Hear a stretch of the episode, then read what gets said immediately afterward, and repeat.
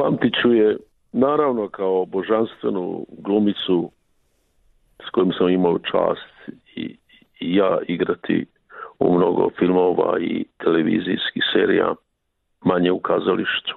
Ali ću pamtiti iznad svega kao jednu posebnu osobu, jednu divnu ženu, hrabru ženu, koja je s jedne strane bila božanstvena glumica, jedna od najvećih glumica koje smo ikada imali, ali s druge strane bila jedan tako veliki humanista i sinoljubiva i pravedna. Bila je suviše osjetljiva i teško je izlazila na kraj sa okrutnošću svijeta s kojim se vrlo često susrećala u svom životu. Kao takva ranjiva dočekala i tu katastrofu 1991. godine kada je taj svijet u kojem je ona živjela i za koji je radila i za publiku za koju je stvarala kao umjetnica svoju umjetnost odjedan put osvanuo i ogrezao u strašnim ratovima gdje su ljudi umirali, pogibali, napuštali zemlje svoje.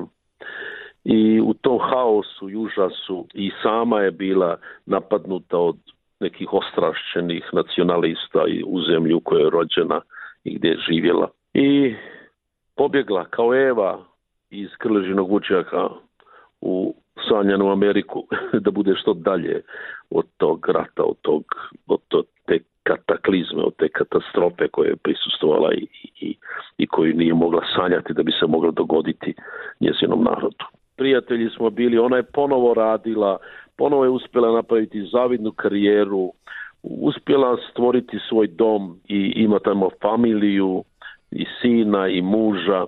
Taj muž koji se zove Goran Gajić, koji je jedan briljantan režiser, ali i briljantan čovjek i koji je bio čovjek njezinog života jer je uspio tako bolećivu, tako ranjenu, jer je takva bila osjetljiva, uspio je postati jedan pravi kamen oslonac u njenom životu i, i ponovo je dignuti u, u, u život da, da počne iz početka. 18 godina se borila da joj se vrati pravo na stan koje je nasledila od bake u Zagrebu. Sama je negdje i pobegla, da tako kažem i sami kažete, iz Hrvatske i bivše Jugoslavije. Koliko je bilo teško u s tim svim okolnostima sačuvati tu humanu poruku? Ona je vrlo otvoreno istupala protiv bilo koje vrste nacionalizma, ekstremizma. Kad smo Elenka i ja zvali 2002. godine da se vrati, da dođe u Hrvatsku i kod nas na, na Brijune, u Ulisis teatar, da odigra Medeju i ona je došla, bojala se susreta sa publikom, bojala se loših reakcija ponovo jer je to već jednom preživjela i suviše je to koštalo i, i uplašilo i ranilo. Ipak je došla i pobjedila. Bila je briljantna, božanstvena u jednoj sjajnoj predstavi. Publika ju je njena dočekala oduševljeno Čak nije bilo ni jednog jedinog loše komentara svih onih koji su nekada napadali, valjda su i oni bili postiđeni tom jednom činjenicom da je ona zapravo potpuno nepravedno bila napadnuta i da je ona jedna božanstvena glumica i pravi čovjek. Skoro pa potpuno neverovatno. Ona prosto nema loše uloge. Evo, vi ste pomenuli tu seriju, bar ja pamtim kao seriju Putovanje u Vučjak Eduarda Galića. Ona je u, u toj ulozi izuzetno brutalna, opasna žena, a neverovatno uverljiva. I sve su joj uloge takve, bez obzira da li glumi žene iz, da tako kažem, običnog naroda, da li glumi žrtve, da li glumi žene ispunjene snagom. Ona je odlična. Je li to talenat? To nije samo talenat, znate. Mirjana Furlan je pametna žena bila je. Bila je jako pametna, jako obrazovana.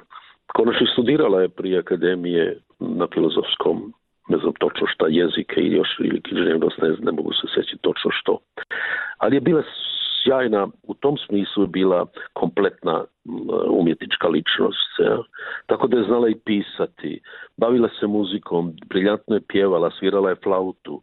Dakle, imala je mnogo struke, mnogo struke talente.